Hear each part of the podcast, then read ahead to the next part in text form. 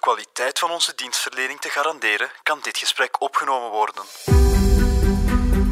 Christophe, ben jij al ooit van gsm-operator veranderd? Ja, natuurlijk. Zo'n dieven. En van tandpastamerk? Dat gebruik ik niet. Te duur. Oké. En van ziekenfonds? Ziekenfonds? Eh, nee. Kijk, daar word ik pas ziek van, hè. Ja, ik zie het. Wat scheelt er, hè, Wout? Je wordt ineens zo bleek. Vanuit de kelders van het nieuwsblad zijn dit de vrolijke vlekken.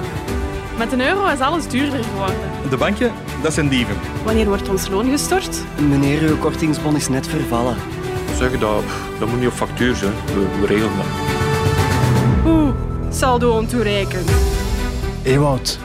De mensen zijn het beu om te veel te betalen. Al wel, Christophe, wij gaan daar iets aan doen.